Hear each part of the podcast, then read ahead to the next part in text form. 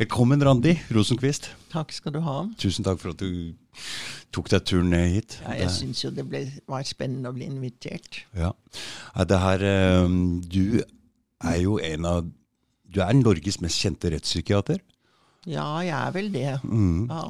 Har jo sett deg på TV i alle år, og du har jo gjort deg kjent med Norges farligste menn, kan man si.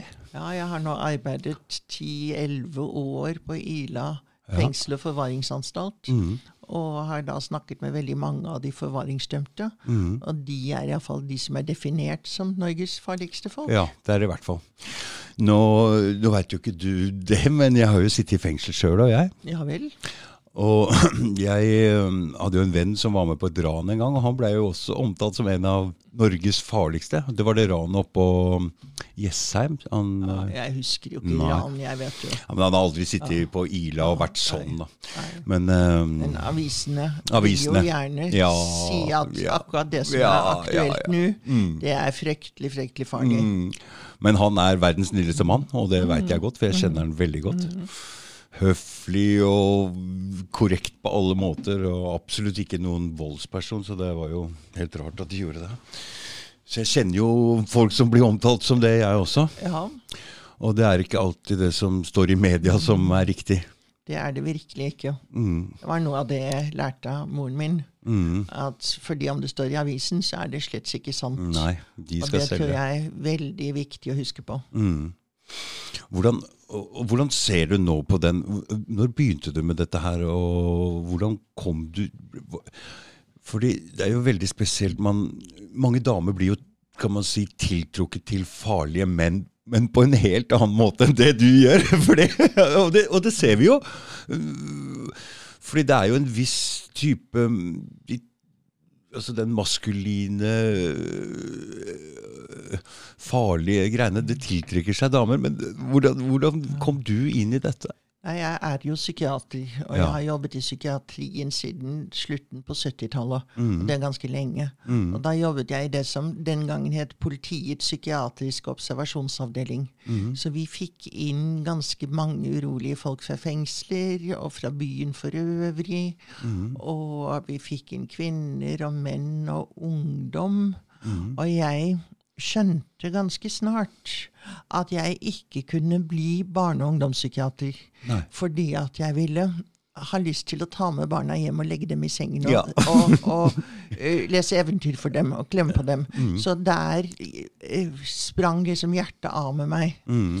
Og så var jeg også relativt bevisst på at det er en del ustabile unge kvinner som jeg ikke er noe god terapeut for. Nei. For jeg blir litt provosert av at de oppfører seg så, så hysterisk. Mm. Men det har med min, meg å gjøre. Ja, ja, ja. Men så fant jeg ut relativt tidlig at disse kriminelle mennene som jeg hadde med å gjøre, de Jeg identifiserte meg ikke med dem, sånn Nei. som jeg ville gjøre med barn og unge kvinner. Mm. Men de interesserte meg, Mm. og jeg skjønte også at jeg fikk forbausende god kontakt med dem. Mm. Og jeg skjønner ikke helt hvorfor, fordi at jeg er jo en pen og dannet dame fra Mm. Oslo vest og sånn.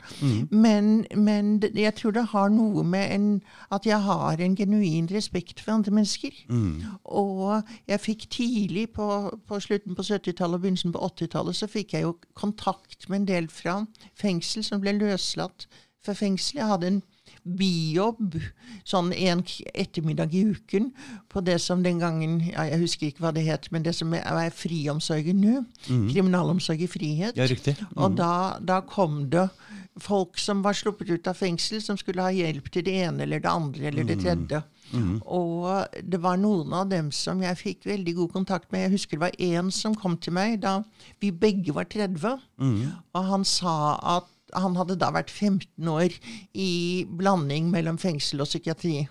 Og så sa han at han hadde tenkt seg at han hadde planlagt å bli streit, men han visste ikke helt hvordan det var å være streit. Og kunne han snakke om det? Og det syns jeg jo var et kjempemorsomt oppdrag. Så vi snakket om hva som skulle til for at han ble streit. Og han klarte det faktisk. Og jeg fulgte ham opp i mange år.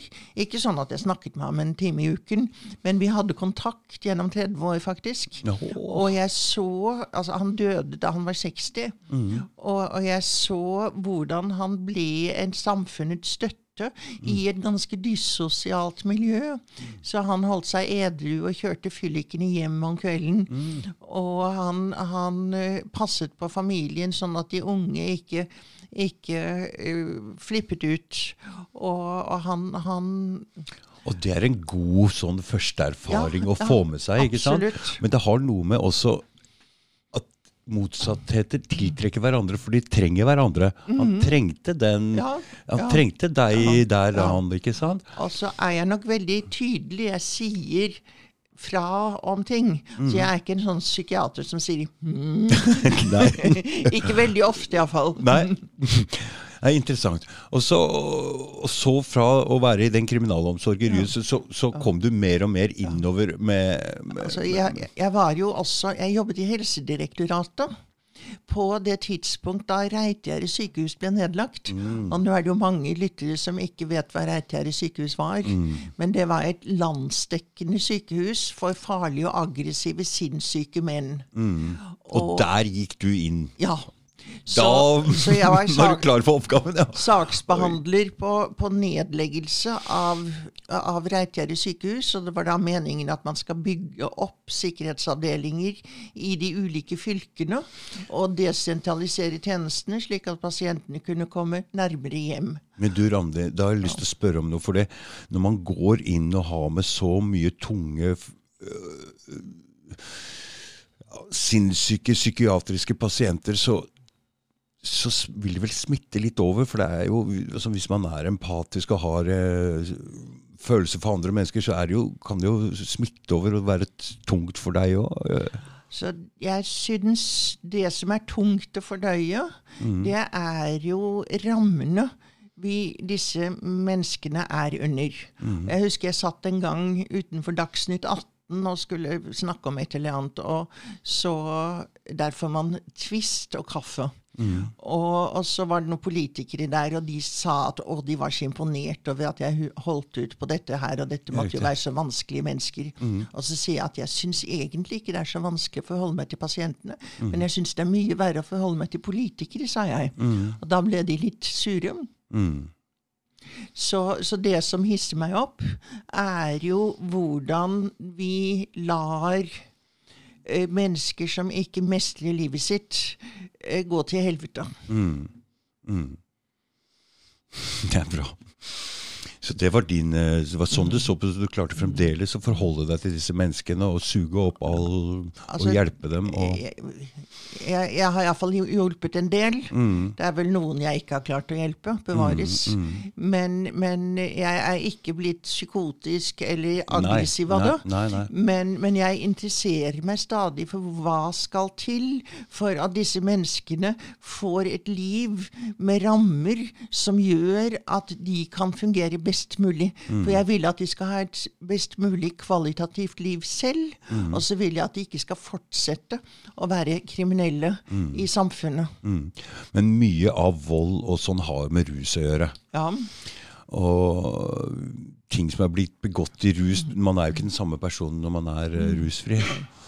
Og det la jeg merke til når jeg satt inne sjøl også. Der er alle helt normale, og mye av de tull og dritt folk har gjort, da, de, når det gjelder voldshandlinger og sånne ting, da, blir jo begått i rus. Og det, det fins jo ikke mye av det. Det var i hvert fall ikke det når jeg satt. Nei. Men eh, det er jo mange mennesker som når de er ruset, så blir de aldri aggressive. Nei. Og hvem er det som blir aggressiv i rus? Og er det de samme menneskene som da sitter i fengsel, og som så slipper ut og ruser seg intenst dagen etter at de har shoppet ut? Altså det, det, det med rus er bare ett symptom, og kanskje dråpen som får begeret til å renne over akkurat der og da. Men eh, jeg husker eh, professor Nils Kristi, kriminologen, uttalte på 80-tallet en gang at det finnes ikke farlige mennesker, bare farlige situasjoner. Og så svarte jeg ja, det finnes farlige situasjoner, men det er noen som kommer opp i farlige situasjoner ofte enn andre. Og det, Ja, det er er ingen tilfeldighet. Nei, det er ikke. Og altså, hva er det med de menneskene som kommer opp i farlige situasjoner ofte enn andre? Mm. Og det er jo, De lager jo på en måte sjøl mange av de situasjonene. da. Og, Ja da, Mm, ja. Så det er ikke noe tvil om det. Men så du var på Reitgjerdet, og så, Mm. øh, og så Når kom du inn i rettspsykiatrien? Det er om, omtrent samtidig. Omtrent samtidig. Ja, og jeg må jo si at jeg ble jo, jo kjønnskvotert Ja. inn i den rettsmedisinske kommisjonen da jeg var veldig ung. Mm. For der satt egentlig gamle, gamle professorer og, og noen, noen gamle overleger, men Mhm. så trengte de en kvinne. Og så kom jeg inn i kommisjonen da jeg var litt over 30 år. Mm. Og jeg har jo vært Følte du deg annerledes enn de andre da? Å ja. Ja. Mm. Altså, og, og disse, disse gamlingene, Ja. de ja, de smilte jo pent til meg, Mm. men, men de tok meg jo ikke på alvor.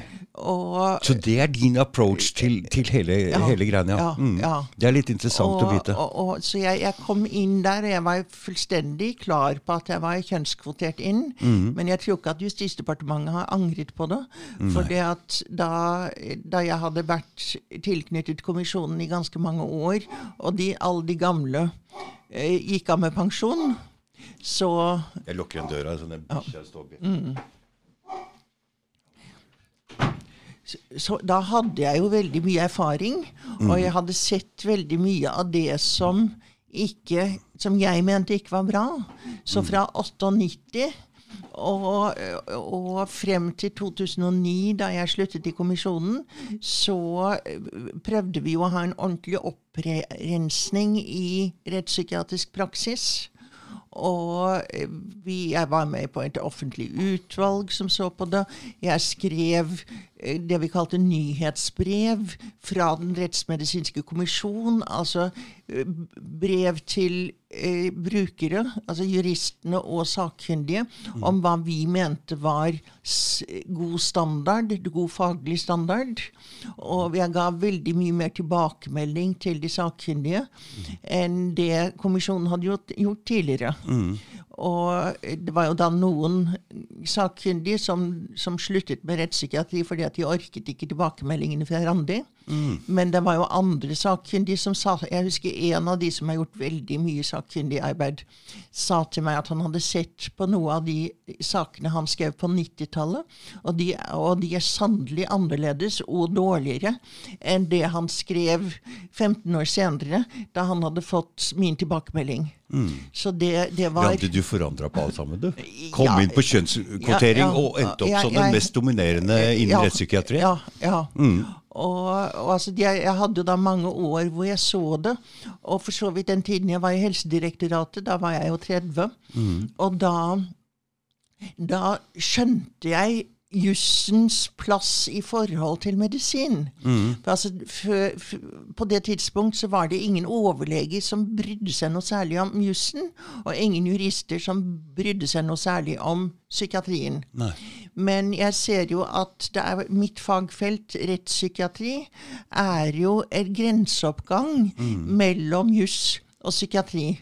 Og det er viktig at disse to fagdisiplinene, som genererer sannheter på veldig ulikt vis Altså i, med, I psykiatri så er det jo sant inntil nyere forskning sier at det var ikke sånn likevel.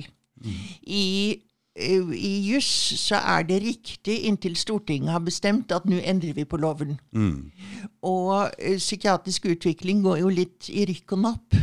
Og, og plutselig så lager man nye systemer og, og ny kunnskap på litt av området, mens det andre er det samme. Så for juristene så er det vanskelig å følge med i det, juridiske, i det psykiatriske ut, fagutvikling. men psykiaterne har jo vanskeligheter med å følge med i de juridiske endringene Klart. også. Men den, det å formidle psykiatri til jurister og juss til psykiatere, det syns jeg har vært veldig morsomt. Mm, ja, det skjønner jeg. Har, har, eh, nå har jo du vært med så lenge, og nå har du til og med fått litt eh, avstand på det, for du er jo pensjonert nå. Ja. Har, har, har folk forandra seg? Er, er folk annerledes nå? Er en psyko så når du begynte, er det det samme er, det- Fordi disse, mye av disse psykiatriske lovene og Mm. de reglene og det dere leser, det er jo, mye av det er jo gammelt, men samfunnet forandrer seg, og folk forandrer seg, og ja, samfunnet og psykiatrien forandrer seg jo dramatisk. Mm. Og i 1960 var det 18 000 senger i norsk psykiatri. og i år er det omtrent 4000, og vi er halvannen gang så mange mennesker. Ja. Så det var veldig mange mennesker som var parkert i psykiatrien ja. i 1960. Mm. Og jeg På en litt stygg måte òg, ikke sant? Nå skal du høre. Jeg jobbet, Den første jobben min jeg hadde som legevikar, da var jeg medisinstudent, det var på Valen sykehus i Sunnhordland. Og det var vel i 72, tror jeg. Og der jeg sier at jeg er glad for at jeg har opplevd senmiddelalderen i norsk psykiatri. Og jeg, det var middelaldersk på sett og vis. Det var reimsenger, det Nei, var nei, sånn? nei, nei, nei, vi brukte ikke det. det. Det var veldig lite av det. Men bygningsmassen, det var et stort sykehus. Det var mange som hadde bodd der i 20 og 30 år. Pasienter, ikke Ja, sant? ja. Men jeg så omsorgen. Og når jeg så disse pasientene som hadde vært der i 30 år, og som satt på trappen og røkte pipe og så utover fjorden Jeg tror ikke livskvaliteten deres var så dårlig. Nei. Og de var jo alvorlig psykisk syke. Ja. Og da medisinene kom på 50- og 60-tallet, så ble de jo bedre og roligere. Slik at man rev luftegårder og sånt noe. Men, men dette var da en Rev luftegårder så de kunne gå uten ja, gjerder? Ja, ja, ja. Og, og dette var da et samfunn for folk som ikke klarte seg i samfunnet ute. Og det var en del omsorg. Nå har jo verden og Norge forandret seg veldig mye. Og nå har man ikke lenger disse store psykiatriske sykehusene hvor folk blir boende. Og man har heller ikke det som fantes frem til omtrent 1995, nemlig psykiatriske sykehjem. For der, der, vi hadde spesielle sykehjem for psykiatriske kronikere som aldri ble helt friske, men som ikke trengte å være på sykehus heller. Som da, hvor de fikk rom og mat og sysselsetting og litt personale rundt seg, og hvor de hadde et brukbart liv. Men så ble det besluttet at alle skulle i egen leilighet og i egen bolig. Og det ble besluttet at omsorg ikke skal være spesialisthelsetjenestens ansvar, de er kommunenes ansvar.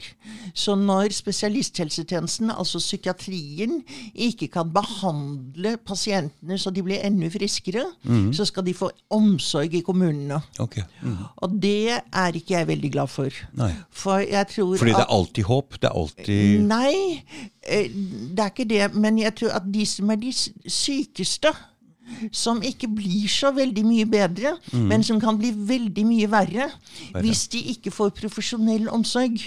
Og dette er jo folk som man ikke kan si til 'ta deg sammen'. Du må ikke ruse deg. Eh, nå, nå, nå har du egen leilighet med, med soveværelse og stue og med kjøkken og eget bad. Nå må du ta deg sammen og leve ordentlig. Dette er folk som ikke mestrer tilværelsen. Og så begynner man med bemannede boliger i kommunene.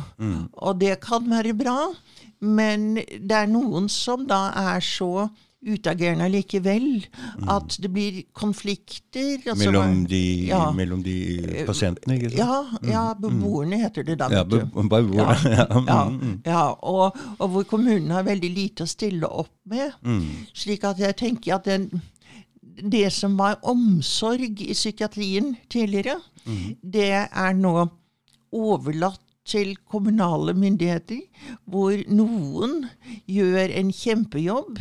Jeg var I forrige uke så var jeg i Vennesla og så på et bygg de har laget for åtte leiligheter for ROP-pasienter. Og ROP-pasienter er der hvor det står for rus og psykiatri.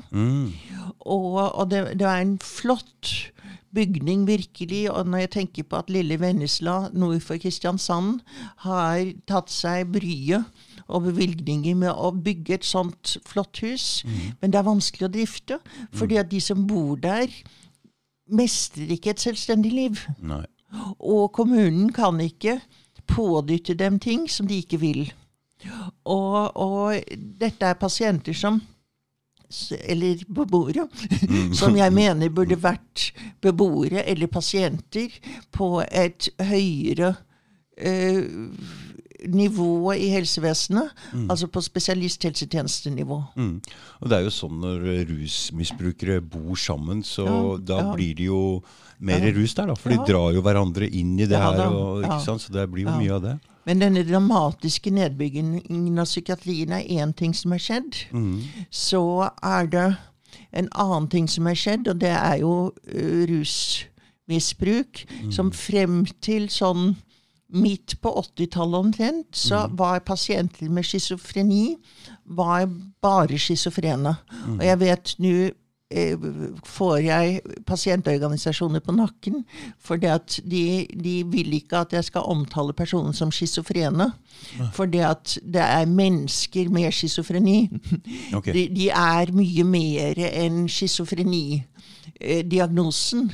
Men, men altså for, frem til 85 så var schizofrenisymptomene, sykdommen, var på sett og vis det eneste som var problematisk. Men fra 85 og utover så begynte også folk med schizofrenidiagnose å ruse seg mer og mer. Ja. Og den kombinasjonen av rus og en schizofrenidiagnose, den er ikke gunstig på noe vis. Nei. Og, og, Er det spesifikke rusmidler de eh, foretrekker, eller er det altså, det varierer jo, men, men eh, det er jo alt fra hasj til amfetamin. mm. Og- Heroin? Heroin også, ja. ja men kanskje ikke så mye heroin, som, men fra uh, mye hasj. Og, og hasj kan jo i seg selv gi psykose også. Det, er ikke, det er ikke bare de, de som har schizofreni, som, som blir sykere av å bruke Hva betyr egentlig en psykose? Jeg har røyka hasj ja. siden jeg var liten sjøl. Ja. Jeg røyker ikke nå lenger. Jeg har lenge, mange, sikkert 10-15 år siden jeg røyka. Men um, hva betyr egentlig at man kommer inn i en psykose? Jeg, jeg kan ikke huske at jeg var det sånt, men man blir jo selvfølgelig, når man er påvirka, så blir man jo annerledes. Man blir annerledes når man er påvirket, men hvis man blir overbevist om at verden er Ja, helt sånn. annerledes Ja, mm. Altså Det som er kjernesymptomet med psykotisk fungering, er jo at man har eh, gale sanseopplevelser, og man ikke skjønner Mm, Ja. Mm. at dette her er en happy trip eller noe Ja. sånt. Men når du Ja. er overbevist Om at sånn, om at, at verden er helt annerledes enn den er Fordi jeg har jo brukt mye amfetamin òg, og jeg har jo vært borti folk, og det har jo vært sinnssykdommer overalt. da. Men Det er forbigående, men noen av de kan sitte i lang stund. Helt klart. Og, der, og, og, og det er jo en ting med det, for man blir jo paranoid av det. Ja. Uh, men man må vite hva som er eh, riktig allikevel. Men man kan like så, siden man driver med noe ulovlig også, så må man på en måte ta eh, den paranoiden på alvor òg. For det, det er jo, politiet skal jo ta deg. Og, så, så det, det er Det er veldig vanskelig å holde tunga rett i munnen. Og jeg har sett nesten alle vennene mine på et eller annet tidspunkt ble sinnssyke av det. Forbigående, i hvert fall. da. Det er forbigående. Mm. Og, men det som vi ser i rettspsykiatrien, Mm. er at det er en del personer med schizofrenidiagnose Som blir sittende i det. som blir sittende i det. Mm. Og hvor, hvor psykiatrien De har kanskje hatt fire innleggelser i psykiatrien i løpet av et halvt år med diagnosen rusutløst psykose, Mm. Ja. mens ingen har tatt, tatt seg tid til å se hvordan fungerer de når de ikke er ruset. Mm. Så det er først når de kommer i fengsel, og Ja, riktignok så er det rusmiddel i fengsel Ikke også, så men ikke lenger, så, altså. ikke så Nei, mye. nei. Men da, når man får en stabil ikke ruset periode, så ser man jo at de har jo egentlig schizofreni. Oh, ja, Mm. Og det kan man si at det er jo fint. Fordi at eh, schizofreni kan man jo faktisk behandle. Og det finnes medisiner som kan bedre veldig mange schizofrene. Det er, finnes ikke medisiner som kan få folk til å få øh, til å ikke lenger ta amfetamin. Mm, men du, nå er vi jo inne på litt eh, rart område. For når vi ser på verden i dag, så blir vi jo delt opp i noen som altså Nå, etter koronaen, etter Trump og litt sånn, så er det jo mange med, med avvikende syn på samfunnet. Ja. Og det er på en måte en litt paranoid måte å se på ting på. For det stoler ikke lenger på politikere, stoler ikke lenger på media. Og hvor mye av det her er reelt, eh, og hvor mye av det vil karakteriseres som en uh, paranoid framstilling. For jeg ser alt eh, av disse. Det er veldig vanskelig å holde tunga rett i munnen her. Helt klart. Og du kan si at det som er paranoid i psykotisk sammenheng, det er ting som oppstår hos enkeltindividet. Hvis du har en hel forening som alle sammen tror at jorden er flat, så, eller at verden styres av eh, pedofile satanister, Ja. Mm. eh, så, så er ikke det psykotisk. Det, det, det er mer suggesjon. Ja. At man, man blir enige om å legge en konspirasjonsteori til grunn. Men hele tida ligger det noe og Ja, dem om ja, at noe, ja. ikke, er, noe ikke stemmer. Ja, ja. Ikke men, sant? men jeg, jeg husker jeg holdt et foredrag en gang hvor jeg sa at hvis min gamle far eh, plutselig ble redd for overvåkning og Mm. Og ikke hadde noen grunn til å være redd for overvåkning. ja, nettopp. nettopp begynte å demontere i lampene Ja, og lete, det er jo typisk det man gjør på bak- amfetamin. Det er- Bak eh, Ja. maleriene. Det er sånn, det er sånn. Ja. Mm. Så vil jeg bli veldig bekymret. Hvis vår ambassadør i Gjør det. langt vekk i stand gjør det, så vil jeg bli beroliget. Men hvordan vurderer man når Mm. ambassadøren er blitt en gammel mann i, bor i Oslo, og som stadig Mm. Driver med det samme. Ja. Da er det feil. Altså, når, Ja, når, det er er dette en, når er dette en fornuftig paranoia, og når er det en psykotisk paranoia? Og det er jo det jeg har drivet og lekt med hele tida. For jeg har jo drivet og, vært, eh, drivet og solgt narkotika, ikke sant? Og samtidig brukt eh, amfetamin. Ja. Og da må man jo både være og, Men, men man blir paranoid, men du må også ta, ta det på alvor. Da, det er klart at hvis du har grunn til å passe deg for politiet, Ja. så må du passe deg for politiet. Ja. Men man kan ikke la det gå for langt. Eh, Nei. Ikke sant? Så man klarer å slippe Ja, det. ja. Så det er egentlig at du blir sittende fast i en greie Ja. som er helt Ja. eh, ulogisk. Ja. Ja. Mm, mm. det er jeg enig i. Men jeg håper du har sluttet å, Ja. å, å deale. Ja, altså, er du det gæren, er. Det er så ødeleggende Mm, for de generasjonene som har brukt det. Ja. Og det er sikkert folk som har klart seg fint, Mm. men eh, akkurat som alkohol også har vært veldig ødeleggende for mange. Og det Ja, har jo ja, gått i, Ja, i mm, perioder Hvor, hvor det har vært virkelig store befolkningsgrupper som har lidd under alkoholisme. Ja, ja, jeg vet det. Faren min var alkoholiker, så det vet jeg alt om. Ja. Så det, det har vært eh, Altså, det går jo Det er ikke bare én generasjon som eh, får svi for det, for det, det, det, går nedover i generasjonen. Så jeg har akkurat klart å fikse opp i mitt eget liv. Det, har tatt litt tid, for å si det sånn. Ja. ja. Det er Men det ikke gjort. Nei, det er ikke gjort. Jeg måtte, det tok lang tid før jeg ble voksen og fant ut av dette her. Og jeg måtte en tur innom fengselet også for å få Ja. den eh, perioden med å nyktre opp, og, og fikk lov å flytte inn til eh, mora til den guttungen min. Og da, og, så er det å begynne på nytt igjen. Det har ikke vært lett, Nei, det, og det er ikke gjort i en håndfei. Ikke på noe vis. Mm, for man begynner på nytt, og når man er såpass gammel og må Ja. begynne Ja. ikke ha altså, Det er ikke lett. Så Men da har jo du en slik utvikling som han som jeg fortalte om, som ville bli streit. Ja. Hmm. Eller betrakter du deg streit nå, eller Eh, er du sånn ja, det, det gjør jeg. Det gjør jeg, for nå, nå vil jeg jobbe. Jeg Ja. vil, altså jeg Ja. trenger den eh, Jeg trenger den normalis å føle meg normal. Ja, ja, flott. Mm, ikke sant? Flott. Så for å, og en del av hele prosessen er å kunne snakke med folk som deg, folk som eh, Ja. liksom er litt høyt oppe. Så, Ja. Ja, så det er en selvutviklingsprosess. Ja, men det er bra. Det er veldig bra. Mm. det er veldig bra. Ja. Nei, det, også, men alle, tilbake Så, Randi. Alle disse farlige folka. Ja. Eh, føler du deg nå, nå Det å komme fra litt sånn den empatiske For det kommer jo vel inn som en litt sånn liten sånn eh, shiny liten Som skulle forandre på ting blant de voksne, tungrodde, litt eldre folka.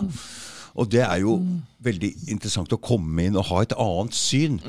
For det, er veldig viktig. Når man kommer inn som ny, så ser man ting helt annerledes. Og du var annerledes. Og det, det, det syns jeg er veldig interessant. Og den, den rollen ha, ha, hold, beholder man på en måte hele veien. Og så har du sett faktisk at hele psykiatrien har, ha, så har du blitt hovedpersonen, så det har på en måte forandra seg i din retning, sånn som du var.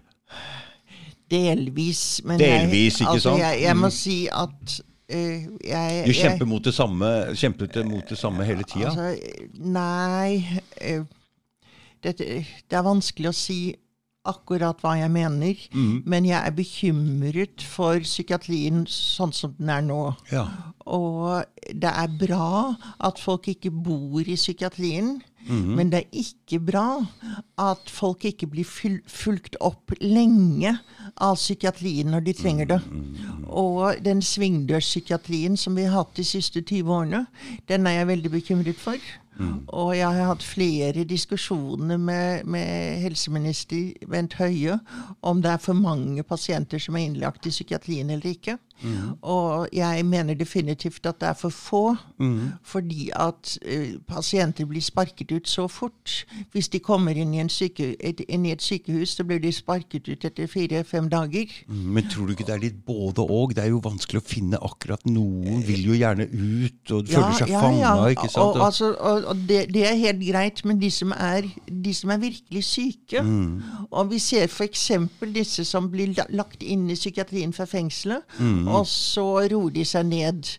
Det er sikkert grann. mye psykiatriske så- ja, så- fanger så som ikke får de kommer de Rett tilbake til fengselet og er like syke. Mm. Og etter min mening, hvis du har en ordentlig psykose Nå snakker ikke jeg om en rusutløst psykose, Mm. Nei, men hvis du har en ordentlig psykosesykdom, Mm. så tar det jo måneder å innstille en hensiktsmessig medisinering. Hvis Mm. man går for fort frem, så blir det bivirkninger og ikke så mye effektiv, eh, riktig virkning. Så det å, å finne ut hva som er passende do, dosering for denne pasienten, da må du ha ro, og du må kunne forholde deg til samme psykiater over tid tar for, å, for å innstille en hensiktsmessig behandling. Men eh, det at du bare blir lagt inn i psykiatrien når du er veldig motorisk urolig, og så skrives ut, og så kan du gå på DPS og snakke med en annen, og da må du passe klokken og vite når du har time, og hvilken dag det var. Da må du allerede du være ganske og, og, ja. selvgående. Så, så jeg syns at, at det er, er altfor mye svingdørspsykiatri i norsk psykiatri. Mm. Altså i senmiddelalderen, som da jeg, da jeg begynte i psykiatrien så- Ja, så var, det, så var det for mange som var i psykiatrien. Mm. Og nå mener jeg at de psykiatriske behandlingsoppholdene er altfor korte. Ja. For å gi folk optimal behandling. Mm. Du, jeg hadde en venn som er- Han er død for kanskje ti år siden nå, men han var altså inn og ut sånn, og han Ja. var helt umulig å ha med å gjøre. Men jeg slapp han alltid inn, jeg. Ja, Jeg synes det, men det, er, eh, det, det, var slitsomt. ja. Og han er død nå, selvfølgelig, men det er som du sier, ut og inn og ut og inn, og gikk rundt ikke sant, barbeint og bruse seg, og, så han fikk jo ikke ordentlig hjelp. ja. Det er det ikke tvil om. Nei. Så, så jeg Jeg, jeg, jeg syns at psykiatrien er, er blitt Psykiatrien har gitt et veldig mye bedre tilbud til de som har psykiske plager. Mm. Men de som er virkelig psykiatrisk syke De får de ikke. Grunn, altså det, det som jeg tenker er den grunnleggende psykiatrien, mm. det er psykosene. De får etter min mening altfor lite oppfølging. Mm. Og med den nye diagnostiseringen så, så blir man veldig opptatt av riktig diagnose, men ikke nødvendigvis opptatt av riktig behandling. Og det, det bekymrer meg. Mm. Du, hva er en psykopat? En psykopat, tja, det er vel en person Så hvis man skal ta den vitenskapelige definisjonen, Mm. så er en psykopat en person som scorer eh, mange poeng på en psykopatskala, så, eller et psykopatverktøy som består av 20 forskjellige variabler, som man da har sagt at dette er typisk for psykopater. Men hvis man skal ta den med men mellommenneskelige, eh, praktiske definisjonen, så er en psykopat en person som ikke bryr seg om andre, har veldig nedsatt evne til empati, men allikevel, i motsetning til artister, så har han såpass god evne til å forstå andre mennesker at han manipulerer dem i, til egen vinning. Mm. Fordi jeg har alltid tenkt på sånn, En psykopat den kan jo ikke være psykopat på avstand. Han må inn i livet ditt på en eller annen måte, Ja. og du blir ikke kvitt den. Du blir ikke kvitt den igjen, for han klarer å lokke deg. så det er, jeg, jeg har sett folk som har slitt med Så jeg har alltid tenkt sånn, det er en psykopat. Den kan være snill, den kan være alt mulig, men bli faen ikke kvitt den, og det er en veldig plage for livet ditt. Ja. Det er det, Sånn har jeg liksom tenkt det må være det. For det kan jo ikke være psykopat på avstand. Da kan det være så mye psykopat. Han må inn. Han trenger å komme inn. Og du finner dem jo på, i big business, på universiteter, i politikken. Eh, du finner dem jo, jo mange steder som en med virkelig spisse albuer som har klart å gå over lik og kommet opp i posisjoner. Men så finner du også de dumme psykopatene. De havner i fengsel. Ja, det er sånn, ikke sant? Sånn, for, og, og, og psykopati er ikke noe som kan behandles. Nei. Det eneste man kan, etter min mening Jeg vet at det er en psykolog i Trondheim som mener at man kan behandle psykopati. Men det man kan, etter min mening, er å lære folk at det lønner seg ikke for deg å oppføre deg på den måten. Det er riktig. For det, det lønner seg Ja. egentlig å gi, Ja. og Ja. for Ja. da får man tilbake Ja. så mye mer. Ja. Men, men hvis Altså, det er jo den vanlige Muligens tabloide konstellasjonen med en psykopatisk mann og en psykopatoffer til, Mm, til til eh, Kona. hus- kona. Og hvis hun setter ned foten, og han da blir enda mer psykopatisk, og så trekker hun foten tilbake, så hjelper det jo ikke. Nei. For da lærer han at, at det lønner seg jo for ham likevel. Så man må være veldig klar Ja. i kommunikasjon. Og, Og- men dette og, gjelder andre veien òg. Ja, ja. Altså, for damer er jo veldig lett til å manipulere menn også. og, og, og, så, Ja. så, så, så det er egentlig grenseoverskridning. Ja. Og så man må være konsekvent og lære det, akkurat som man lærer et barn eller en Ja. hund. At Ja. eh, det her eh, Ja. er ikke greit. Nei, og, altså, Men litt av dette foregår jo i forhold uansett. Ja, ja, og, ikke sant? altså, det er noen som, som argumenterer hvorfor er det bare menn som er psykopater. Og det er jo ikke bare menn som er psykopater. Men, Men menn har, menn har mer kraft, men kan være veldig voldelige. Eh, Nei, jeg tror det er noe annet. Ja. Jeg tror at kvinner har mer emosjoner. Mm. Slik at en del av disse som er ustabil personlighetsforstyrrelse, som er kvinner, Ja. de er manipulative på en annen, sånn mer emosjonell måte. Ja. Mens eh, mennene er manipulative på en mindre emosjonell måte. Mm. Og jeg har jo av og til vært oppe på Bre- Bredtvet fengsel. Mm. Og jeg er jo veldig glad for at jeg har jobbet i et herrefengsel, Mm. og ikke et damefengsel. For det er vanskeligere. Fordi at det, jeg syns det er vanskeligere. Mm, Med, fordi at, at de kvinnene de appellerer og, til emosjoner på en helt annen måte Mm. enn menn. Så, så, og det å, å ha de mest avvikende kvinnene, det er virkelig vanskelig. Det er vanskeligere, ja. Ja. Mm, mm.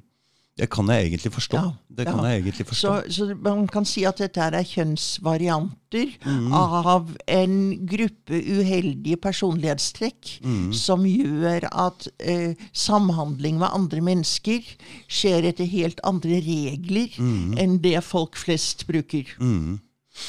Så du, du har bare kort vært innom Bredtvet, og du fant det vanskeligere, ja? Ja, ja. Så da jeg var på Gaustad på regional sikkerhetsavdeling, så hadde vi jo et par kvinnelige pasienter, og resten mannlige. Og, og de kvinnelige var, var De fikk ikke sånn kontakt med de! De klarte ikke Eh, å Jo da, jeg hadde, jeg hadde kontakt med Ja, dem. Og, og altså, jeg, jeg, jeg tror det er et par stykker som jeg fulgte opp veldig godt. Men de, de satte i gang emosjoner hos personalet Ja. på en helt annen måte. Ja. enn en de mannlige. Ja. Og tilsvarende på altså det med splitting, som, som man, man opplever i institusjoner. Og splitting er jo det at eh, halvparten av personalet sier at 'stakkars, det er så synd på henne', og den andre halvparten sier hun er ganske jævlig. Og, og, og så blir de uvenner seg imellom, og så vinner pasienten på dette. For dette er jo også en ting du har opplevd nå, i og med at du er en så kjent uh, psykiater. Og du merker jo det når det sitter f.eks. en klikk oppå Ila som ikke vil at du skal prate med deg, og at det blir en sånn uh, greie. ikke sant? Så du, har du det i baktanken også når du prater med disse folka, eller? Og det, det er ett spørsmål, Mm. men det er veldig spennende når, når du kommer inn For du har, du har på en måte veldig stor makt når du prater med fanger. Mm. Ja. De sitter i en forvaringssituasjon, og de må ha en progress og de må ha en Mm. utvikling og sånne ting for å, å Så du sitter egentlig til nøkkelen, Mm. eh, nøkkelen til løslatelse, da. Til en viss grad, ja. Ja, ja, ja. Og, så de, man er jo temmelig nervøs, kanskje. Og hvordan skal man komme inn på en sånn person og få den personen til å slappe av og åpne seg? Det er veldig vanskelig eh, å vurdere her. Veldig Ja, altså jeg, jeg har jo gjort dette her i 40 år. Ja. Og jeg syns ikke det er så veldig vanskelig. Nei. Og jeg selv, selv folk som har gjort helt ferdige ting Mm. det, det det er veldig få på Ila som jeg ikke har sansen for på noe. Ja. Så, så altså, det, er, det er noen på Ila som jeg virkelig ikke har sansen for. Men de aller fleste kan jeg se Jeg kan se den hjelpeløse gutten som kaver, og som ikke vet hva han skal gjøre. Jeg kan se den, den forvitrete mannen som aldri har fått en sjanse i livet, syns han. Jeg kan se han som hele tiden vil ha bekreftelse. Eh, Jeg kan Altså, jeg, jeg jeg, jeg pleier å se noe som er bra på også de fleste forvaringsdømte. Og for noen så er det jo Og dette er ikke jo noe du lærer i en bok, Randi. Nei, nei, nei. Ikke sant? Og nei, det, det, ja. mange, mange, jeg føler Ja. at mange psykologer er, og psykiatere Ja. sitter med boka si, og, liksom, og det går ikke. Nei, og, og jeg er jo egentlig Altså, nå, nå skifter jeg tema litt, men Ja, for ja. 20 Mm. år siden, så for 22-23 år siden, så fikk vi diagnosekatalogen ICD-10 i Norge. Mm. Og det syns jeg var en fordel, for da plutselig hadde man kriterier for diagnoser. Mm. For det at før 98-99 så var det sånn at det, han, denne mannen ligner jo på en schizofren, og jeg får følelsen av at vi har, her har en manisk-depressiv lidelse osv. Okay. mm. Men da for noen og 20 år siden så fikk vi kriterier. Hvis han har disse og disse og disse og disse Mm. Så symptomene, så kaller vi det schizofreni. Og, sånn, og det synes jeg For var diagnoser er veldig Ja. Det, Og det er en annen ting, for jeg, jeg hørte Mm. noe du sa.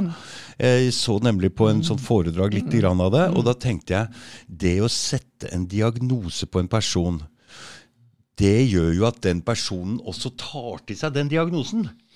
Ikke sant? Jeg er sånn, ja, jeg er sånn. Og det er, fordi dere vurderer om han er farlig, eller om han ikke er farlig. Hvor farlig er han? Og når dere setter stempelet farlig på han, så vil jo den personen ta det stempelet og si at 'jeg er farlig'. Og hvis dere sier 'han er ikke farlig', så vil den personen også Så dere påvirker også offeret med, med, med vurderingen. Nå, farlighet er ikke noen diagnose. Nei, nei, Men nå avbrøt du meg litt. Grann. Ja, ja. For for noen og tyve år siden så fikk vi litt system i diagnostiseringen med kriterier. Mm. Men nå virker det på meg som om folk er mye mer opptatt av kriterier enn hvordan folk har det. Mm. Og man ser ikke helheten. Og jeg, jeg krangler med en del psykiatere og de som skriver rettspsykiatriske erklæringer, over at de blir så De fyller ut skjema Mm. istedenfor å høre hva er det egentlig som feiler denne personen. Hva Mm. er det som gjør at han hele tiden kommer opp i konflikter? Mm. Og, og jeg har jo ledet et psykologteam som har gjort risikovurderinger Mm. sammen med meg, og jeg har sagt til dem hele tiden og de de skjønner det, men de, de er jo nybegynnere delvis, og de skal gjøre alt riktig. Og så sier jeg det er ikke så viktig med hva diagnosen er, Nei. men det som er viktig, er å finne ut hvorfor klarer ikke denne mannen å leve et liv som ikke innebærer kriminalitet. Og hva skal til for at han skal kunne klare seg bedre i fremtiden? Så jeg syns at diagnoser er viktige. Men det er hjelpemidler. Diagnoser er ikke konklusjonen. Diagnoser er et hjelpemiddel til å forstå en persons problemer. Du får skrive en ny sånn uh, En sånn ny eh, bok de bør gå etter. Ja, ja men um, ja. Ja, det er, fordi man, det er egentlig Når man snakker med en person, så bør man egentlig ha de andre diagnoseverktøyet sitt litt i bakhånd og se på det, for man må konsentrere seg og fø, virkelig føle den men, personen. Men jeg har jo holdt på med dette i veldig mange år, og Så- jeg skjønner jo at de unge nybegynnerne i faget de må krysse av på skjemaer. Men jeg, og, de, og det er ikke rom for å ta det litt sånn på gefühlen. Men, men Og nettopp det også at pasienten er så kort innlagt, f.eks. Da får du bare et, eh, Lite blikk. et lite blikk. Og, og det å se kontinuiteten hvor, En person med en schizofrenidiagnose. Hvordan fungerer han i gode perioder? Hvordan fungerer han i dårlige perioder?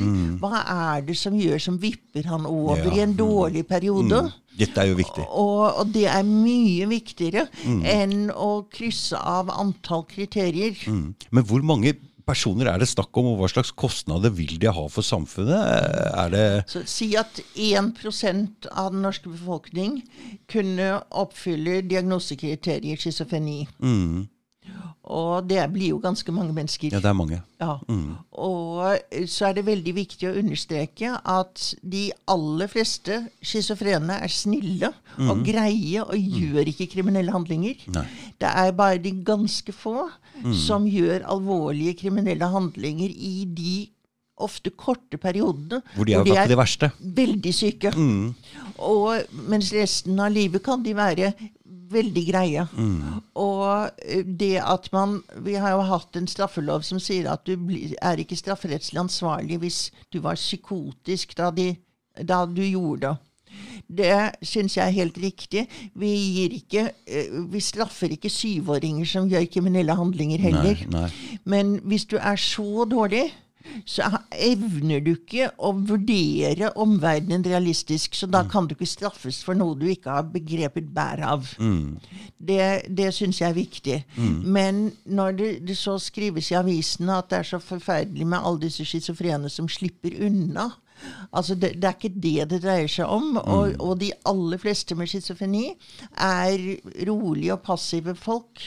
Mer eller mindre passive. Mm. Med god behandling så vil man regne med sånn tommelfingerregel at en tredjedel av dem kommer til å klare seg veldig bra. En tredjedel kommer til å ha stadig behov Eller noe og da behov for ekstra støtte og hjelp. Og den en tredjedel vil være varig ganske dårlige. Og det er en kjempefremgang i forhold til for 100 år siden. For da var de schizofrene Altså hvis du først hadde en schizofreni og kom inn i sykehus, så kom du jo ikke ut på resten Nei. av livet. Nei. Og Så den gangen var det egentlig litt for strengt. Nå har det blitt litt for sløpt, så det må Ja. litt tilbake igjen Ja, for å treffe Ikke for, ikke for strengt. Altså, jeg, jeg skjønte ikke hva du mener med strengt, men for 100 år siden At det var for mange som ble holdt for lenge Ja, og uten noe hjelp. Ja, For 100 år siden så hadde vi ikke medisiner som hjalp. Nei. Medisinene kom først på 50-60-tallet. Så etter at man fikk effektive medisiner, så har eh, jo schizofrene som gruppe fått et veldig mye bedre liv. Og det er mange som klarer seg aldeles utmerket. Å få en intensiv, god behandling kanskje gjennom fem år, og så så går de relativt problemfritt ut i livet. Hvor alvorlig og hvor, hvor kraftige medisiner snakker vi om? Det er ikke om å dope folk Nei, ned, nei, nei, nei. Og det er derfor jeg sier det tar tid å finne fre, få eh, optimal eh, medisinering. For eh, med antipsykotisk medikasjon, det som er felles for de fleste, er at til å begynne med så blir man trett. Og så den antipsykotiske altså virkningen, altså den virkningen som går mot eh, symptomer, den kommer kanskje etter en måned. Slik at, at det folk da opplever, er at de får en stor dose antipsykotisk medikasjon, og så blir de veldig trette. Og så tenker de det vil de slett ikke, og så faller de ut av behandling. Men hvis man begynner med litt medisiner, og så litt grann til, Så man seg så, så, kan, så vil man få den antipsykotiske virkningen Mm. etter hvert. Og ha, det- ha det veldig mye bedre. Du, du, du, men du prater om schizofren, men det, det har ingenting med psykopati å gjøre? ikke Nei, sant? nei, det er, to, nei. det er to helt forskjellige ting. Schizofren spalta personlighet? Det heter jo altså I gamle, gamle dager så het det ungdomssløvsinn. Okay. Ja, og det er jo en sykdom som de, debuterer vanligvis mellom 17 og 25 år, Ja. og som gjør at tankeprosessen i hjernen blir annerledes enn hos folk som ikke har det.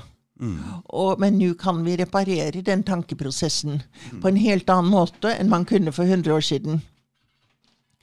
Så, så de som har schizofreni, de har en psykiatrisk lidelse som man faktisk kan måle med visse hjerneundersøkelser som bare har kommet de siste 20 årene. Ja. Som, altså, da jeg begynte i psykiatrien, så man ikke, kunne man ikke ta røntgenbilder av hjernen og si at dette er en schizofren hjerne. Det kan man se nå. Men men nå kan man med, med eh, enkelte undersøkelser som man så vidt gjør i Norge, kan man se hvor man får en hjerneskade som gjør at tankeprosessen blir annerledes. da er det litt lettere å se hva slags Ja, medisiner som ja, virker òg, ikke sant? Ja. Mm. Og så, så jeg tenker jo også, og det er nokså radikalt, tror jeg, at dette skillet mellom eh, fysisk og psykisk sykdom, Mm. at det er ikke det, det, er egentlig, det finnes egentlig ikke noe sy- sykdom.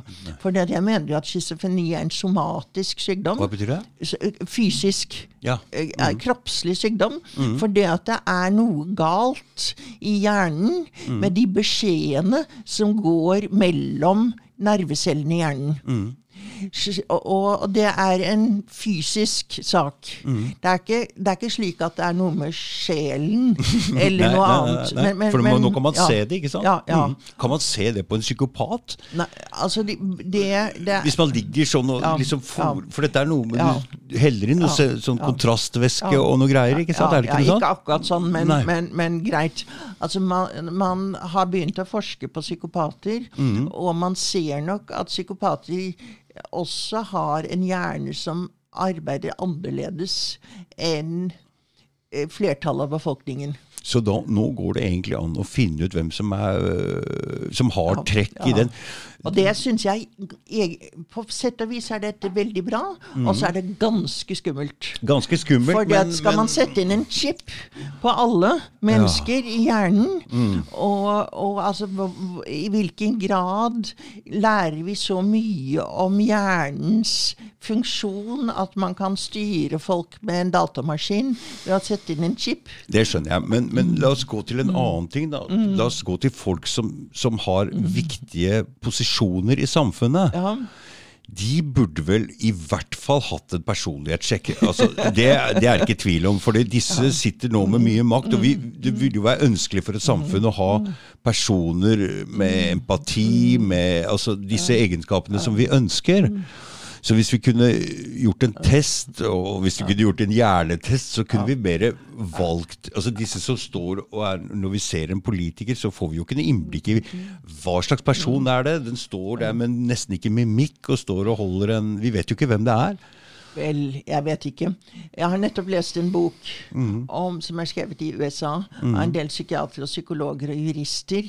som har, De begynte på den i 2016, hvor de skrev at eh, president Trump, president Trump har alle tegn til psykopati, og det er farlig for Amerika at han sitter på atomkrappen.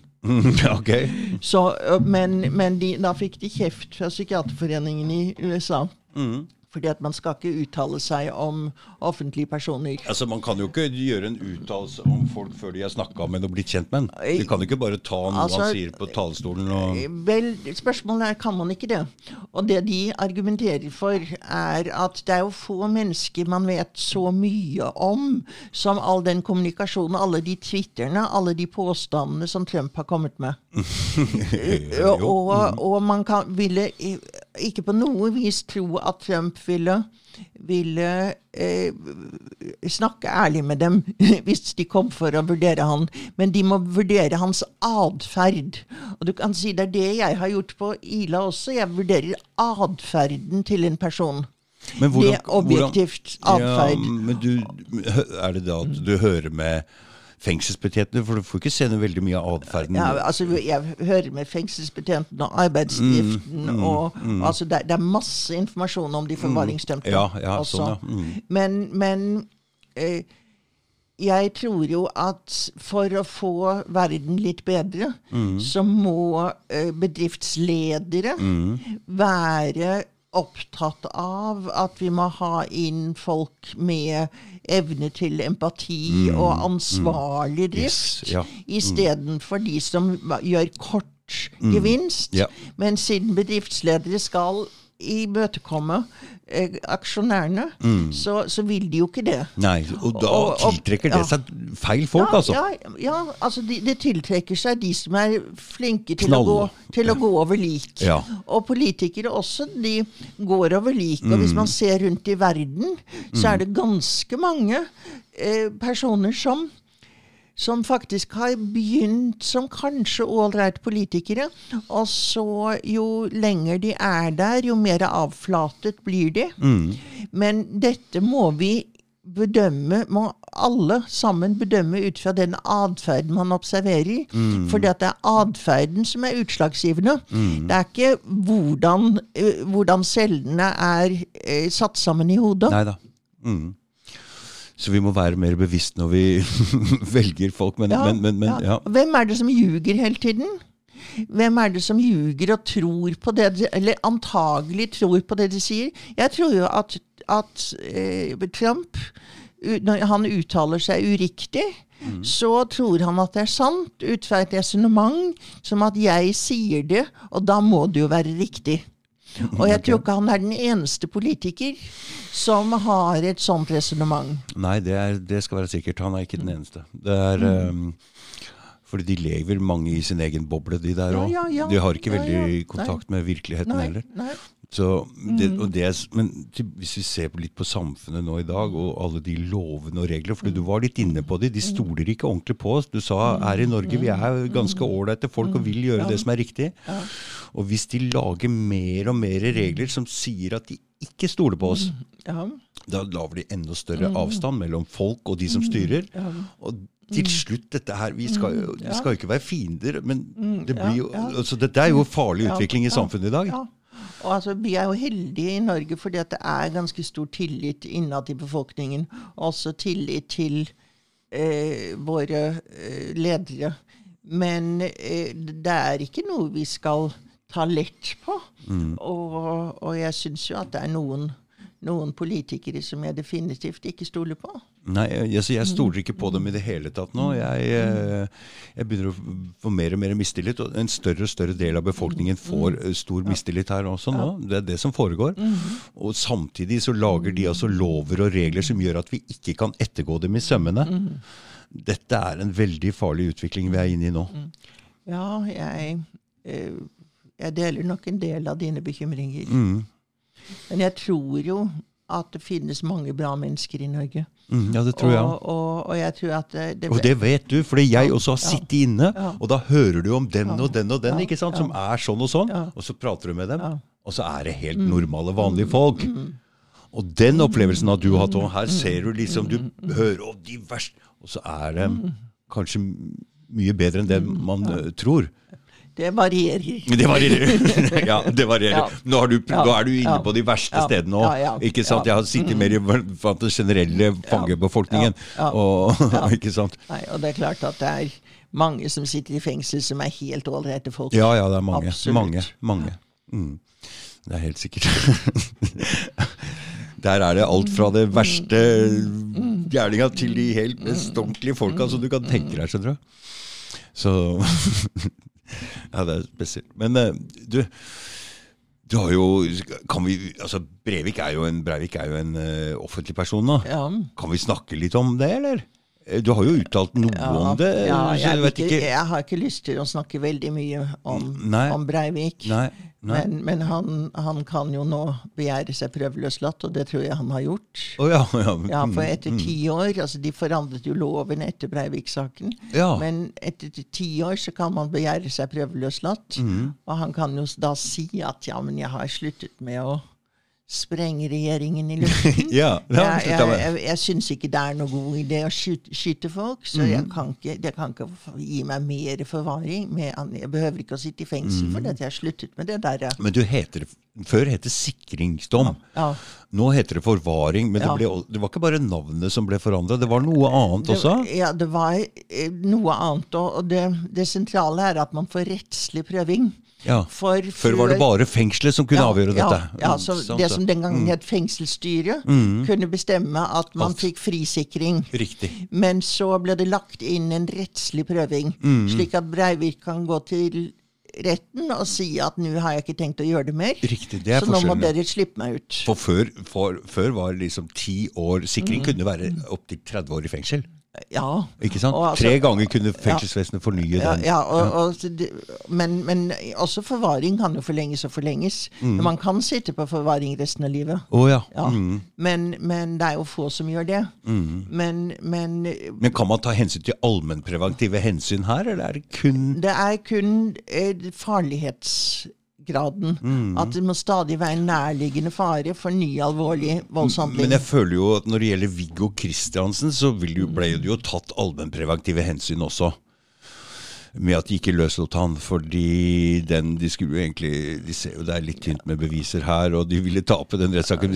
Tror de de vurderer han som farlig ennå? Eh, det, Altså, det altså, jeg Statsadvokaten har vel ikke det, siden han sa at han kunne løslates. Mm. Men altså, det med Veggo Kristiansen-saken er ganske komplisert, Mm. med, med hvor han ikke vil søke seg prøveløslatt. mm, Og, og han har ikke villet samarbeide med, med de som gjør risikovurderinger. Sånn, så, Så du fikk aldri prate med han? Jeg har aldri pratet med ham. Han vil ikke prate med noen, han? Eller på førsten, kanskje? Han har, en, han har en, en psykolog som han har pratet med. Ja, En ja. behandler. Ja, det stemmer. har han, men, Mm. men han har ikke villet samarbeide med fengsel om noen ting. Nei. Men, eh, men stort mer enn det kan jeg ikke si om. Viggo Kristiansen. Nei, nei, nei. nei. Nei, jeg du skal ikke prate noe du ikke har lov til, eller Nei, men altså allmenn eh, eh, hensyn, det er ikke det man bruker i forvaring. Nei. Forvaringen, den eneste legitime eh, argumentasjon er at det er nærliggende fare for nye voldshandlinger. Mm. Men du kan jo tenke deg sjøl, hvis de hadde løslatt Breivik nå, Ja, hva slags ja. allmennpreventive hensyn det hadde jo, ikke- Samfunnet hadde jo ikke kunne godta det i det hele tatt. Nei, nei, men, Så- så- men det, det er ikke hva man kaller allmennpreventive nei. hensyn. Nei, hva kaller man det? Eh, det, det? Det vil si at, at det vil jo oppfattes som helt urimelig. Mm. Og, men, men når man har en forvaringsdom, så kan man ikke si at men du fortjener å sitte inne veldig lenge. Mm. Du, du må si men du er stadig en så vesentlig fare at vi ikke kan slippe dem ut. Mm.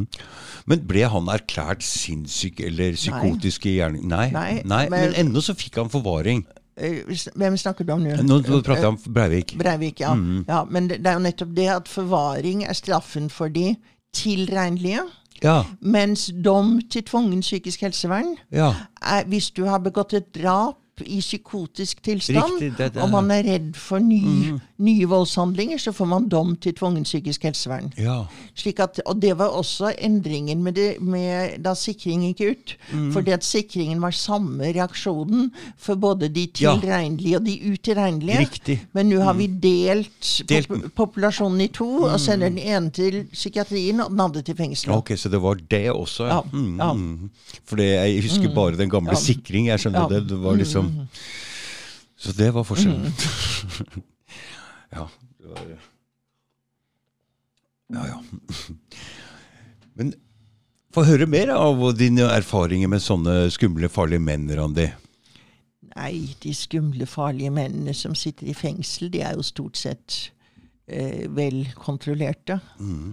Og, og, og altså, det, det, er jo ingen det er jo få steder det er så trygt som i fengsler eller på sikkerhetsavdelinger. Mm. Men du sitter aleine, altså du må jo være ja, ja. aleine i rommet. Hvis ikke så funker ikke ja, dette her, for du må jo oppnå en viss form for tillit. Ja, jeg sitter alene i rommet, og jeg har en alarm.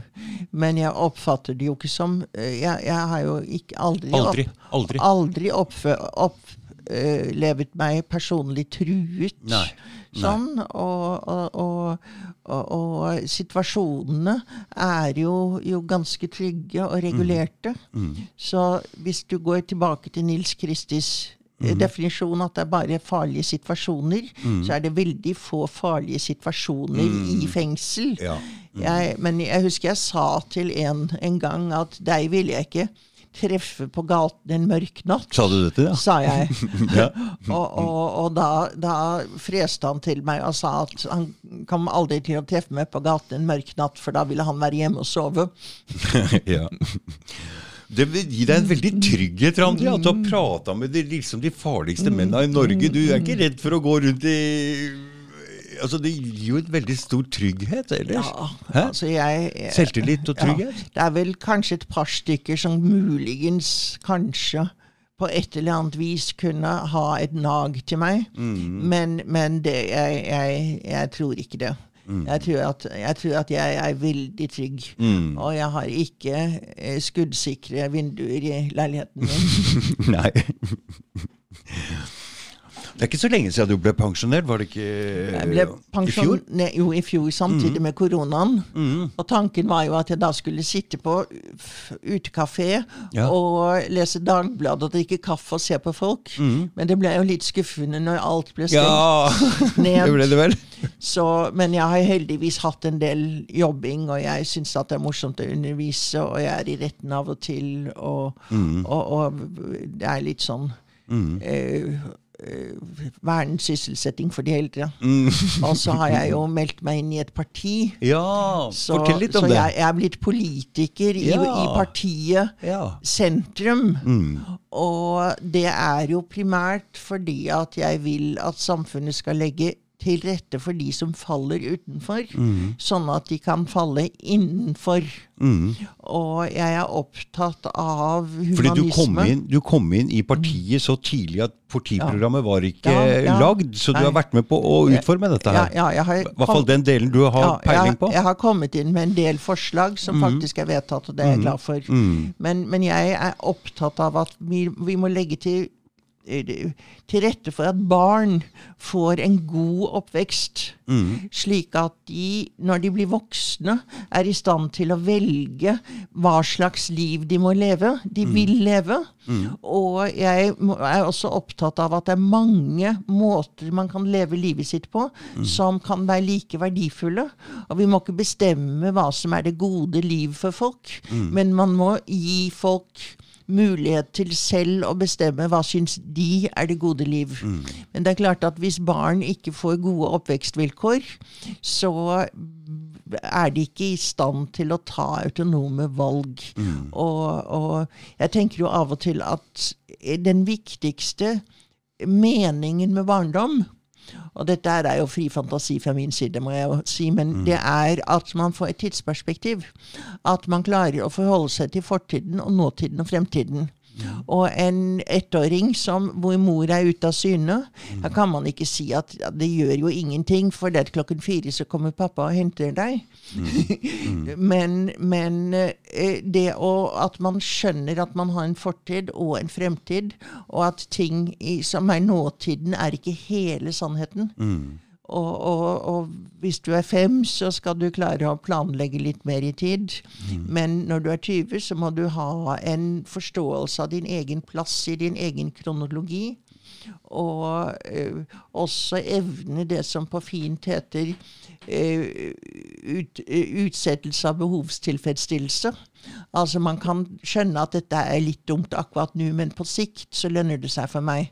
Mm. Hvis jeg gjør leksene mine, hvis jeg går opp til eksamen, hvis jeg går til tannlegen. Mm. Det, er, det, er, mye sånn ubehagelig man må gjennom, Mm. fordi at det er bra på sikt. Og det synes jeg at eh, vi må sørge for at flest mulig barn får en sånn forståelse av seg selv i sitt eget livsperspektiv. Det er mange som detter ut av skolesystemet nå, spesielt gutter. Ja. Er, eh, jeg lurer på om ikke det skolesystemet er moden for en liten eh, om eh, At det må forandres litt. Ja, jeg, det, det tror jeg Kanskje spesialtilpasses et eller annet, Ja, gjøre det mer ja. interessant. Ja, ja. eh, det er, blir Og, og jeg lurer på også når du setter en seks år gammel gutt til å sitte, sitte Mm. Ja, stille ja. Mm. på stolen så lenge. Det er veldig lenge, ikke sant? Og altså Den seksårsreformen er jo ikke blitt sånn som man tenkte at det sk egentlig skulle være barnehage i, sko i skolens lokaler. Nei, nei. Så, Og så man tvinger også en viten på folk. Mm. Altså Barn er jo nysgjerrig. Jeg er nysgjerrig sjøl. Men på en måte når du blir døtta på Mm. ting sånn, så dreper det all lyst til å lære også. Jeg har jo sett folk de, de- Med en gang du begynner å snakke om det, så er det akkurat som å Å nei, lære noe nytt. Det er, det er, så det ødelegger ja, ja. Nei, altså det, vi, vi har mye vi burde gjort Mm, ja. annerledes Mm. i oppveksten. Mm, mm. Vi er inne i en utviklingsfase menneske. Vi skal utvikle oss videre. Vi må bare prøve Mm. Ja. å finne retningen hvor vi skal. Ja. Men uh, nå om dagen så skjer det veldig mye, og ja. Det er eh, Du må sette spørsmålstegn med alt, sette søkelyset på alt. Alle kriger, alle dritten som foregår rundt i verden. Vi kan ikke lenger bare passifiseres av TV og, og bare gi faen. Jeg husker Odd Børredsen hadde en sang, eller en sånn talesang, Mm. Som begynte sånn Min bestemor hatet svensker. Hun hadde riktignok aldri sett en svenske, men hun visste at hun hatet en svenske. Ja. Og jeg tenker at, at vi som bor i Norge i dag, vi må se utover Sverige sågar. Vi må se på hele verden og se hvordan kan vi, kan vi forholde oss konstruktivt til så, globalt som mulig. Vi kan ikke bare sitte og se vår egen navle. Mm. Det som er litt morsomt, det er at den skandinaviske modellen er, blir sett opp til i hele verden. Aha. Så vi har, Norge har faktisk en, eh, en rolle. Ja. Eh, og det, det betyr også hver eneste nordmann må ta et lite tak i seg sjøl og heve seg litt opp, så Norge kan heve seg litt, grann, sånn at eh, fordi Det er ikke tvil om det, at den skandinaviske modellen er en, er en eh, Folk søker mot den. Er, så vi har et ansvar her. Vi har et ansvar, og vi er jo, har jo iallfall i alle år vært en ganske heterogen eh, Nei, nei, unnskyld, nå tuller jeg. Mm. Homogent. Hom, homogent samfunn. Ja. Homogent samfunn. Men, men nå blir vi jo mer heterogene. Mm. Og det å få overført den skandinaviske modellen til et samfunn hvor det er mange forskjellige mennesker som er ulik meg og deg, og- og at vi fastholder den respekt og tillit som har vært typisk for det norske samfunn, det er en utfordring. Det er en veldig stor utfordring. Og det er vel noe av det som jeg håper partiet Sentrum kan bidra med. På, øh, selv om det jo er et bitte lite parti. Du, du er veldig mange bitte lite partier nå. Ja. Veldig mange. Vi har Generasjonspartiet, vi har Demokratene, Partiet De kristne og folk, direkte folkestyre. Og det, det er veldig mange små, men det er spennende at de vil prøve seg, for det gamle føler jeg De må, de må så når vi har, Bare for å ta en ting. Vi har stemt imot EU, og når vi, alle de politikerne er for EU og vil Altså, de gir fra oss suvereniteten vår. Jeg er ikke Jeg Ja, jeg er ikke Du er ikke happy med det? Nei, jeg er ikke. Jeg må si jeg, Jeg er er for det. EU. Ja. Mm. Jeg er det. Og det er nettopp fordi at vi lever i en verden. Vi lever ikke bare i Norge. Det skjønner jeg. Men eh, jo lengre fra Jo lengre sentralisert den makta kommer, jo lengre fra stedet Ja. altså det, er en, det er et problem. Ja da. Det, det skjønner jeg. Mm. Men i og med at vi lever i denne verden, Mm. så er det bedre at vi tross alt har en viss representasjon der, Mm. enn at vi ikke har noe i det hele tatt. Ja, for nå er vi jo mer med enn noen og har ingenting å si. Nettopp. Det, det er jo Mm. egentlig den dårligste posisjonen av alle.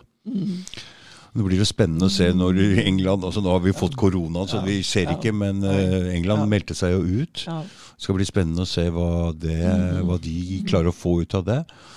Men alle ting har hele tida en dobbelt eh, virkning. Det er både bra og ikke bra. Ja. Så, sånn er det med alle ting. Det er balanse som er På, eh, på norsk som det heter for mye og for lite, skjemmer allting ut. mm, Balanse er det Og det gjelder i humør, det gjelder Det er ikke gærent å være sint, men man må klare å slippe det med en gang. Og det her, når vi prater om psykoser, ikke sant, at du blir stående i et sted sammen med at du blir depressiv for lenge. Det er, det er fint å være lei seg, men man må klare å slippe det og, og sette pris på det. Til og med det å være sint og få blåst ut, og så bare slippe det. Jeg eh, var på noe veldig spesielt i helga nå som var. Jeg deltok på en ayahuasca-seremoni. Hva for noe? Og det er noe det er noe psykedeliske greier. Ja og jeg var med i to dager. Og det jeg egentlig sitter igjen med som en slags eh, Det som jeg sitter igjen med sterkest, det er finn din egen energi. Og det er veldig mye støy rundt omkring, for det er veldig mye støy og inntrykk og alt mulig. Men sett pris på det. Livet er vakkert. Og når jeg var på trening i går og så alle, så tenkte jeg Men finn din egen energi. Og alle de for Vi er jo inne nå hvor det har vært lockdown.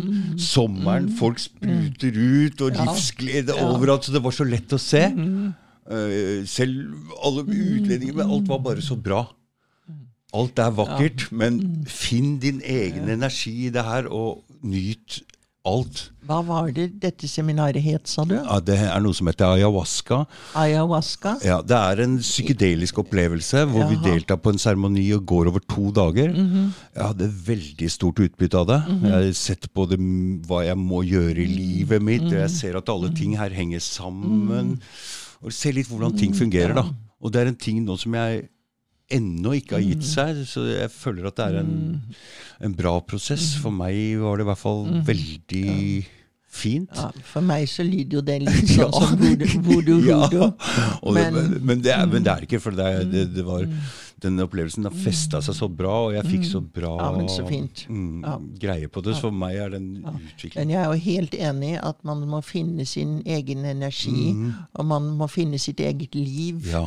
Og velge hva, hva er det som er viktig for meg nå. Å Mm. stå i sannhet, og stå i, i- fremtiden. Mm. Ja. Å stå i det å Mm. være sannhet uansett om hva som For det, er, det koster Mm. å stå for det litt utenfor samfunnet. Hvis du, du er lett å bli pekt på, lett å Mm. bli kritisert. Men allikevel være rolig. Og, s- og jeg fikk også, fikk jeg også se at mennesket er en sånn selvregulerende mekanisme som så vi skal egentlig bare slappe av og nyte det her. Uansett hvordan det går. i- Samtidig som vi skal bry oss. ja, I juni så er det mange som har behov for å slappe av og nyte verden. Ja, Ja. ikke sant? Fordi vi har blitt fanga opp i altfor sterke følelser. Så beskjeden er egentlig slapp av og nyt det, selv om, selv om det er sånn ikke bli fanga opp i det. Og finn din egen energi der. Det, er, det går bra. Og så oppfører man seg anstendig. Helt klart. Det syns jeg er veldig Det er det viktig. At man skal ha en, en moralsk retning på livet Klart sitt. Og det er ikke uvesentlig hvordan vi oppfører oss selv heller. Fordi hvis jeg klarer å være harmonisk, så vil jeg påvirke med min energi mine nærmeste, som igjen vil påvirke så Det er egentlig sånn man forandrer verden.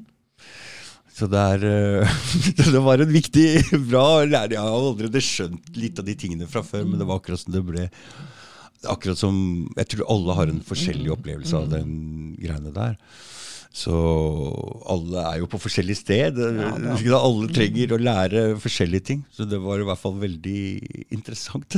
det var helt sikkert. Jeg tenkte, Siden du er, psykolog, eller du er psykiater, så tenkte jeg det var jo litt interessant å dra fram, for det er jo en Altså, det er jo en Det er jo en at Det var som å snakke med noen som forsto det. Ja, men så fint.